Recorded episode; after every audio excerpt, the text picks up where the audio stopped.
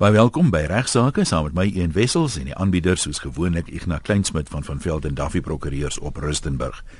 Ons het 'n SMS nommer nou as jy nog Ignas se boek wil bestel. Daar's 'n paar nog oor. Wat sê die prokureur regsaake wat jou raak wat Naledi uitgee saam met RSG en jy kan net die woord prokureur na 33234 toe SMS. Dit net in prokureur niks anders nie 33234 Daai SMS kos R1.50 en hulle sal jou kontak as jy nog 'n kopie van die boek wil hê en hy's nie by jou boekwinkel beskikbaar nie. En so van boeke gepraat, ek is ook besig om 'n boek te skryf oor humor in die hof, al die stories en staaltjies van prokureurs en staatsanklaers en advokate en regters probeer ons versamel.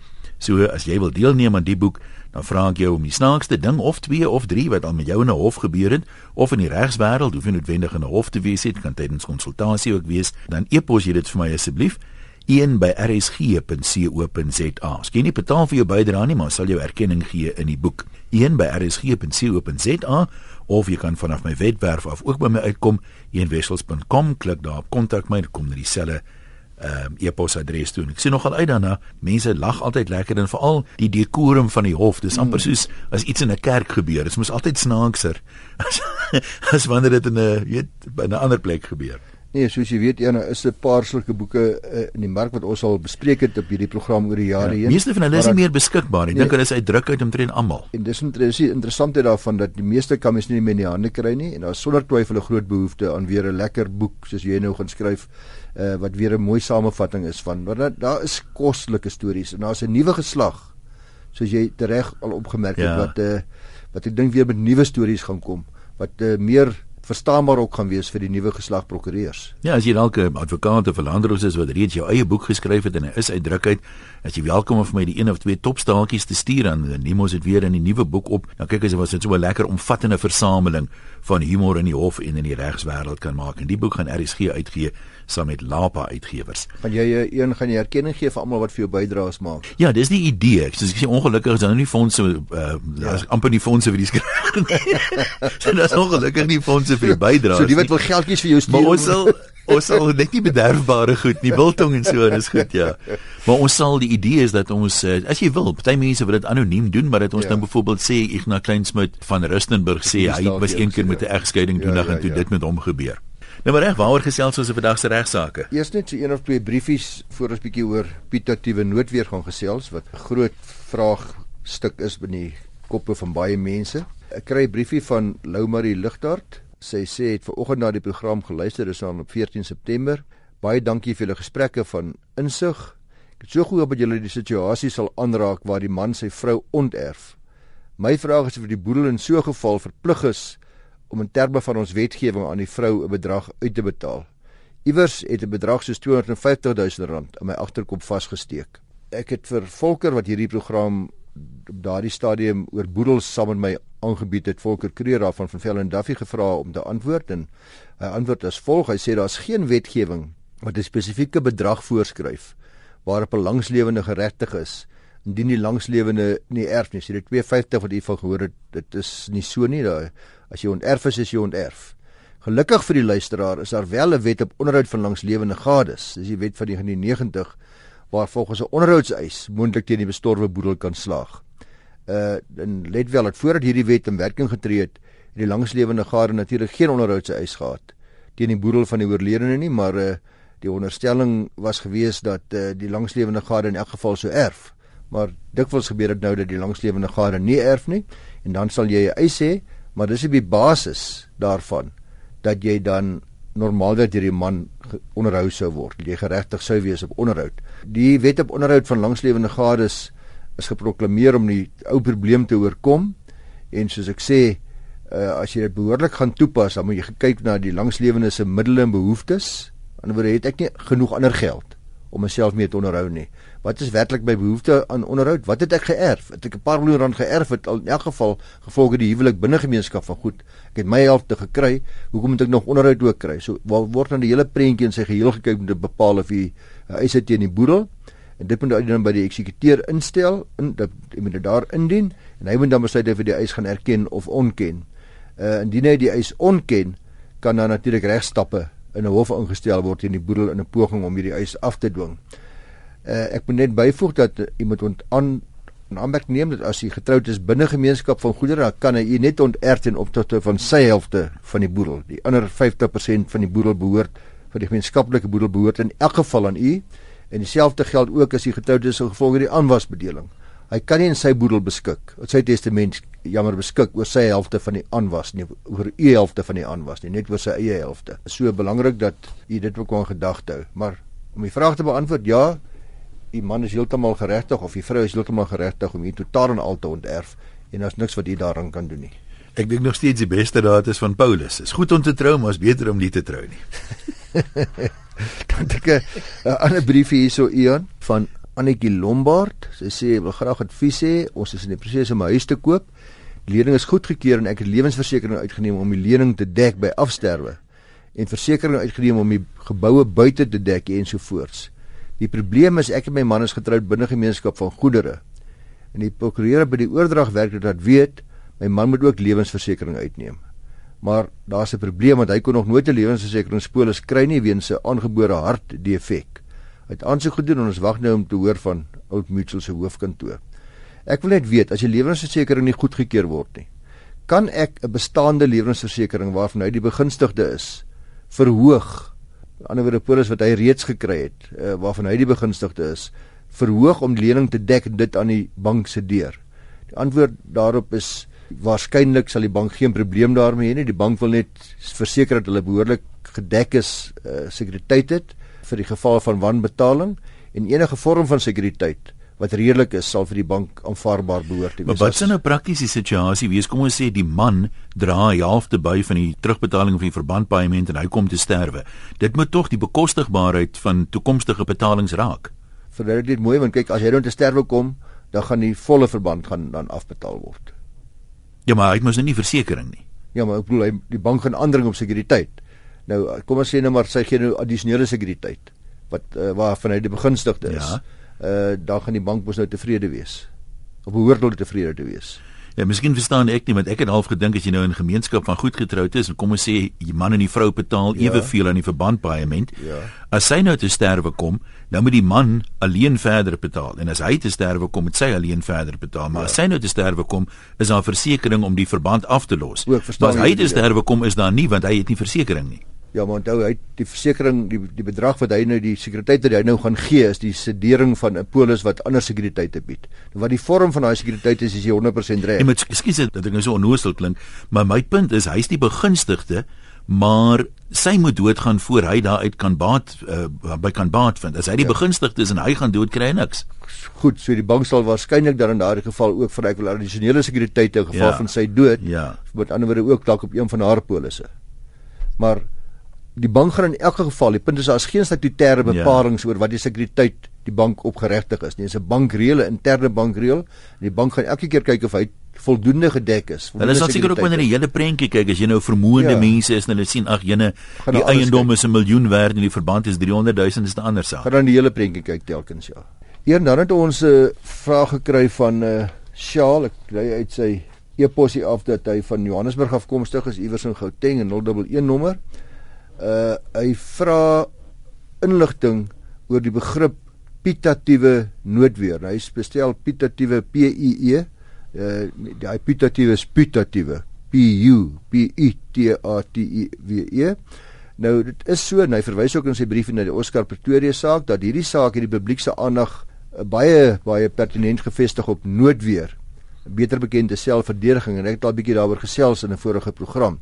Die groot vraag op almal se lippe is was wat is noodweer en watter omstandighede kan ek myself teen iemand anders regmatig beskerm? Maar 'n minder bekende term is die een van pitatiewe noodweer waarna ek reeds verwys het in daai vorige program. In ander en daarvan wil ek 'n bietjie meer daaroor sê. Wat is dit? Wat sê vereistes daarvoor?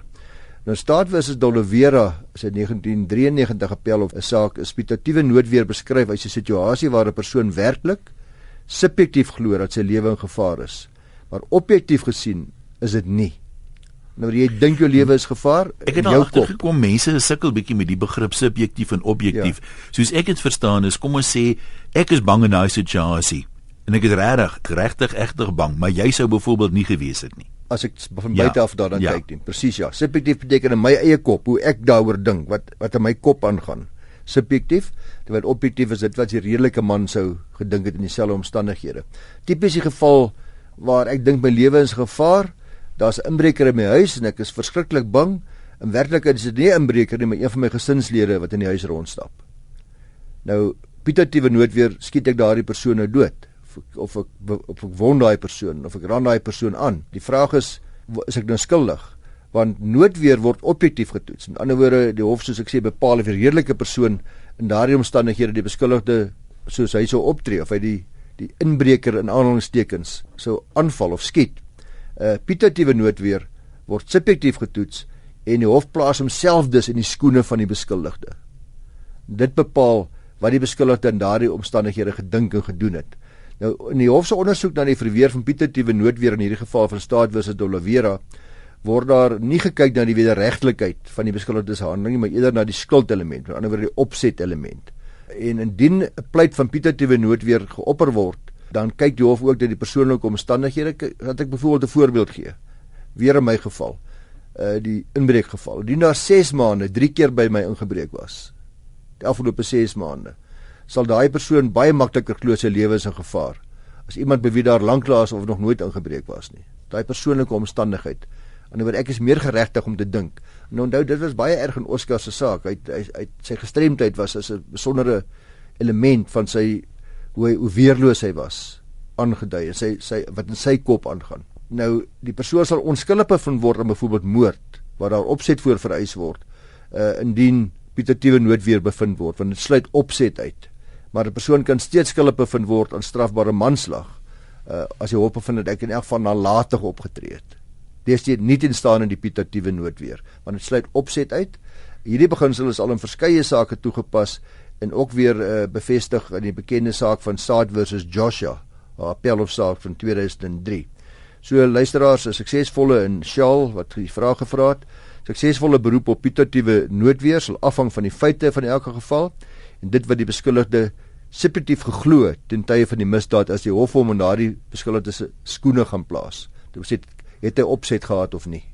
Baie navrae gekry na aanleiding van uh Volker Kreer in ons boedelprogram en al die vrae en antwoorde. Hierdie dametjie skryf haar naam is Vanessa Lee. Sy sê dat uh, my ouma's 2 maande terug oorlede en nie een van die kinders doen moeite om hierdie testament in die boedel wat deur die bank gehou word te begin of af te handel of te beredder nie. Die waarde is minder as 250 000 rand. Tot onlangs het een van die kinders nog duisende rande uit die bankrekening onttrek. Hm. Dis nou na die afsterwe van my ouma en die pensioene is ook nie gestop nie. Ek het gevoel dis reg en die bank en die pensioenfonds in kennis gestel van haar afsterwe. Die bank het dokumente wat voltooi moet word voordat enigiets verder gedoen kan word, waaronder gevra word wie as eksekuteur aangestel moet word. Nou nie een van ons kinders het regtig geld nie en kommunikeer nie regtig met mekaar nie maar die dinge moet afhandel word. Wat stel jy voor? Kan jy asseblief so iets bespreek op die regsaake? Nou, Volker het weer eens vir my die antwoord voorberei. Hy sê omdat die waarde van die boedel onder 250 000 rand is, kan hy vir eenvoudige proses gevolg artikel 18 subartikel 3 van die boedelwet gevolg word. Dit beteken dat die eksekuteur na uitreiking van 'n eksekuteursbrief die boedel kan afhandel sonder om te adverteer of enigsins verder verslag te doen aan die meester. Die eksekuteur kan ook met die eksekuteursbrief 'n boedelbankrekening by die bank open. Daarna kan hy reël dat al die fondse in hierdie rekening inbetaal word. Hy sal dan teken 'n magtigingsregte om die fondse weer uit die boedelrekening te betaal aan die korrekte erfgename.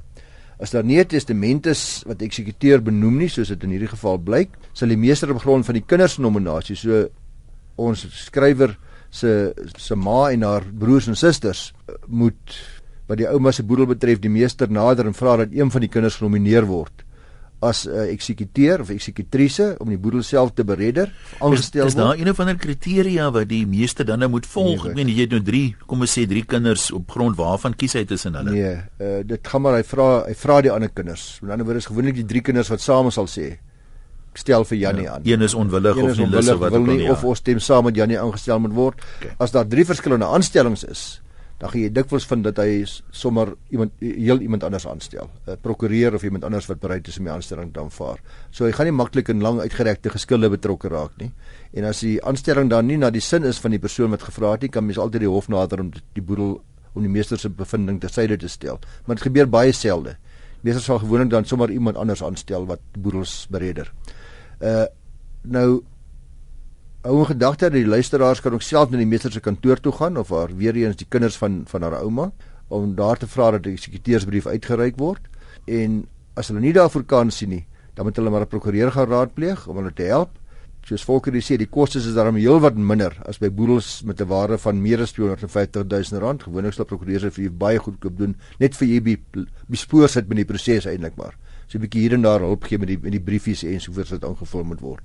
Nou wat die onttrekking van fondse uit die oorledene se bankrekening betref, dis 'n ernstige aantuiging. Dis nou na na afsterwe. Dis diefstal wat gepleeg word, geen twyfel daaroor nie. So ons luisteraar kan 'n klagte by die polisie gaan indien in die verband. Uh die boedel sal uiteraard ook 'n siviele eis hê teen die skuldige of die skuldiges indien daar bewys kan word dat hulle geld uit die ouma se rekening gevat het na afsterwe. Dit sou seker so 'n persoon diskwalifiseer om eksekuteur te wees. O ja, verseker, ja. Weereens is mense nou net die praktiese aspek kyk jy het net nou genoem dat die eksekuteur dan nie met die meester weer verslag hoef te doen nie. Dikwels het van die mense 'n belang in die storie, jy weet, so dit is nie altyd so objektief nie. Kan 'n eksekuteur self erf? Die, dis die vraag wat mense ook soms kry. As een van die kinders nou eksekuteur is, maar daar uh, is sê net maar 'n testament en die persoon moet ook iets erf of moet die eksekuteur totaal onbetrokke wees by die afhandeling van die Nee, boedel? nee, die eksekuteur is dikwels maar die langslewende byvoorbeeld uh, in wat alles erf of die, een van die kinders, die oudste seun of wie ook nogal een van die familielede uh, en daar's geen beletsel nie. Maar onthou, die die uh, sekuriteit wat mense hier het is die feit dat 'n boedelrekening word geadverteer, 'n letter insaag by die meester, hy hy kan na gekyk word. Meester moet hom goedkeur om behoorlik bewyse word van alles betaling, dan moet bewys word dat die boedel se bepalinge, die testamente bepalinge behoorlik nagekom word. Daar's 'n boedel bankrekening wat stawend is van wat alles ingekom het, wat alles uitgegaan het. So dis baie maklik om na te gaan of daar enige onreëlmatighede was. En wat dikwels gebeur is uh, in die geval waar een van die kinders of iemand beskuldig word uh, as eksekuteur of eksekutrise van onbehoorlike optrede, dat mens dan na 'n prokureur toe gaan en die prokureur sal dan hierdie onbehoorlike optrede beweerde optrede aan die meester rapporteer. Die meester sal dit dan of ondersoek of onmiddellik vra dat 'n ander eksekuteur aangestel word en daar 'n bestaande eksekuteur se dienste beëindig sodat die nuwe eksekuteur of eksekutrise dan kan ondersoek instel na die beweerde onreëlmatighede. Nee, maar die ongelukkighede wat die mense dikwels van hoor prakties is dinge soos losgoedere byvoorbeeld. Ja. Jy weet, um, ouma het altyd gesê ek kan die skildery kry as sy eendag doodgaan of die ring of die halssnoer of wat ook al. Maar nou is die ding net weg en dan sien jy later my magtig hier hang hy nou in sissie se huis, jy weet. Ja, daar was daar was uh, so 'n geval soos jy weet met van 'n bekende skilder ook onlangs gewees kunstenaar. Ja, ja op die gevaar af dat dit nou prekerig maar klink, ek het dit al in die verlede gesê dat ek dit maar weer sê. Ek beveel by mense aan om ter wille van die kinders wat erfgename is, dit tog maar baie duidelik vooraf uit te spel watter kosbare goed aan wie toegeken word. Anderswoorde saam met jou testament 'n notaatjie te maak wat daar waar jy hom by die bank bære of of by die prokureur bære of in jou eie kluis bære, daar te sê wat die roerende goed betref, verkies ek dat my verloofring gaan aan Sunny My klavier gaan aan Jannie en die pa se gewere gaan aan Koos. Want die drama wat daar ontstaan met die verdeling van roerende bates. Die onaangenaamheid daarvan van 'n paar kinders wat daar in die huis kom en goed self moet verdeel. Is uh, kan mens nie beskryf die sien hoe ongemaklik dit vir almal is. En uh hoe hoe moeilik dit is om om te sê ek wil graag dit hê. Ja, en die mense dikwels sê net maar die een suster, weet broers en susters verskil mos dramaties partymal. Ja. Is 'n introverte, stil, skaam een Absoluut wat so. miskien baie sentimentele waarde daaraan heg, maar net nie die moed het om te sê ek ja. wou nog altyd dit gehad het nie want van ja. kleins ja. af, jy weet, wat die rede ook al mag wees. Dit is nie baie prakties om hierdie wat ek nou voorgestel het in jou testament self te beskryf nie, want mense beroerende bates ver, verander dikwels dan het jy 'n motor dan jy nie meer 'n motor nie dan het jy 'n uh, perde wat jy het en môre het jy jou perde verkoop. So dis waarom ek sê die sekuriteer sal hom beslis stuur en die kinders ook aan 'n notaatjie wat saam met die testament is om te sê dis wat ek op die oomblik het en ek wil dit met so verdeel word. Ons kan nog so enetjie inpas Ignas? Luisteraars 'n paar maande terug op hierdie program het ek gemeld dat die sub judice reël geweldig afgewater word in ons howe alreeds afgewater is Die rede het basies nog altyd behels dat daar nie oor 'n saak berig kan word terwyl die saak hangende is in 'n hof nie. Na daardie program as ek oorval met navraag, na aanleiding van die Oscar Pistorius saak. Wat jy die meeste van die reël hoor, is is daar 'n een of ander insident is en die koerante doen nou navraag, hulle wil nou 'n aanhaling hê, kom ons sê by die beskuldigde teen wie die klagte gelê is of wat ook al, dan sal hy as hy nie 'n antwoord het nie, sê hy gewoonlik hy mag nie antwoord nie, dis subjudice. Baie lekker verskoning ook vir baie staatsamptenare en ander mense. Ja. Jy hoor dit baie gereeld. Nou uh jy sal onthou dat in die Oscar Pistorius saak het die waarnemende hooflanders opmerkings en waarskuwings aan die pers gerig met betrekking tot die wyse waaroor die media oor daai saak mag berig. Maar jy sal ook onthou dat regter Willem van der Merwe ons staatspresident onskuldig bevind het op 'n aanklag van verkrachting in 2006. Toe het hy die volgende gesê, ek haal aan: I have no problem with fair comment and the media's duty to keep the public informed of important matters, especially the case we are dealing with at present. What, however, is disconcerting is the fact that some pressure groups, organizations, and individuals found the accused guilty and others found him not guilty in their comments on the case without knowing what the evidence is and long before all the evidence was even presented. Dit is 'n groot probleem. Dis deel van die subjudice reëls se oorsprong en en en waarde dat mense maak oordeele, eie persoonlike oordeele oor beskuldigdes en oor wat in die publiek gebeur en wat in die staatsdiens gebeur en ensovoorts terwyl hulle nie idee het wat die werklike feite is nie. Maar kyk, jy sal ook altyd vind dat die ouens wat die hardste kla oor 'n fliek of 'n boek is, die wat dit nie gesien of gelees het nie. Dis reg, ja. nou uh, dit is altyd baie moeilik om te weet presies wat die subjudice reël in die praktyk behels aangesien daar heelwat grys areas is. As ek byvoorbeeld dink aan die toets wat die hof daar gestel het in die saak van Baba Jordan Lee Norton. Dis die moordsaak in 2007 toe die televisie 'n onderhoud met 'n aantal ooggetuies wou uitsaai voordat daar getuienis in die hof gegee was. Die Hoogste Hof van Appel het toe bepaal in daai saak dat die toets hier was of daar werklike risiko was van en ek haal aan die hofuitspraak demonstrable and substantial prejudice to the administration of justice. Even then publication will not be unlawful unless a court is satisfied. So selfs as daar substantie substantiële uh, uh, moontlike nadele in die administrasie van die reg is selfs dan sê die hof unless a court is satisfied that the disadvantages of curtailing the free flow of information will be to its advantage. So die appel of sê dis daar moet 'n duidelike en substansiële nadeel vir die regsadministrasie eh, wees en hof moet tevrede wees dat hierdie moontlike nadeel minder is as die voordele van die verskaffing van inligting. Uh, anders sal dit steeds wettig wees. In die geval van Baba Jordan se saak het die hof uiteindelik bevind dat dit nie onregmatig was om onderhoude met die ooggetuies uit te saai selfs voordat hulle nog as getuies in die hof geroep was nie. In die Oscar Pistorius saak het die waarnemende hooflandros uh, Klolari volgens die koerante gesê dit blyk dat daar 'n verhoor is deur die media van Oscar Pistorius. Dit blyk asof sommige van die media se aktiwiteite daarop neerkom dat hulle die hofstelsel in die republiek skandaliseer. Dit mag neerkom dan op minnagting van die hof. Ek het ook vrae gekry oor die saak van J.R. Brown die vorige hoofuitvoerende beampte van uh, Fidentia. Soos jy weet was daar talle klagtes van bedrog teen hom en het hy uh, op 'n stadium ook dan 'n hofaansoek gebring om die vervolging teen hom te staak op grond daarvan hy gesê het dat die media publisiteit het vooraf so erg aangegaan dat dit sy reg op 'n billike verhoor heeltemal hmm. benadeel en ek verongeluk het was die woorde wat hy gebruik het.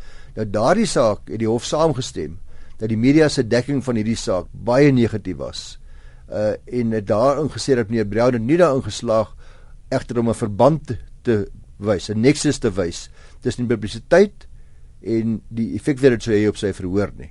Maar as jy daarin kon slaag, sê die hof wel daaraan aandag moes gee.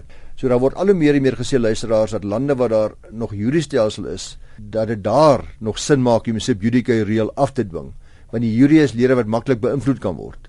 Jy weet hulle lees koerante en die media en hulle en vriende en die bedryfsvure ensovoorts. In Suid-Afrika is jy veronderstelling, let wel veronderstelling. Egter dat alle landroste en regters behoorlik opgelei is en dat hulle sensitief is vir die feit dat hulle absoluut objektief behoort te wees, dat hulle opgelei is om objektief te wees, dat hulle die regstelsel ken en onbevooroordeeld altyd sal wees, nie teenstaanig enige negatiewe media publisiteit. Nou, soos voorheen in hierdie program gesê, dit duidelik dat die subjudice reël in ons land dramaties afgewater is, eintlik vervaag het oor die afgelope aantal jare tot so 'n mate dat dit in myns insiens slegs in baie uitsonderlike gevalle nog van toepassing gaan wees. Uh die reëls van toepassing op die pers met betrekking tot die etiese optrede en billike en verantwoordelike verslaggewing asook sensitiwiteit vir die waardigheid van mense asook ander menseregte soos vervat in ons grondwet bly natuurlik onveranderd en moet die media steeds aan die reëls voldoen. Maar vryheid van spraak het definitief sonder twyfel die hele kwessie van subjudice uh, erg verwater. Ja, dis dit vir vandag. Ons gesels volgende maandag weer. Dankie dat jy geluister het.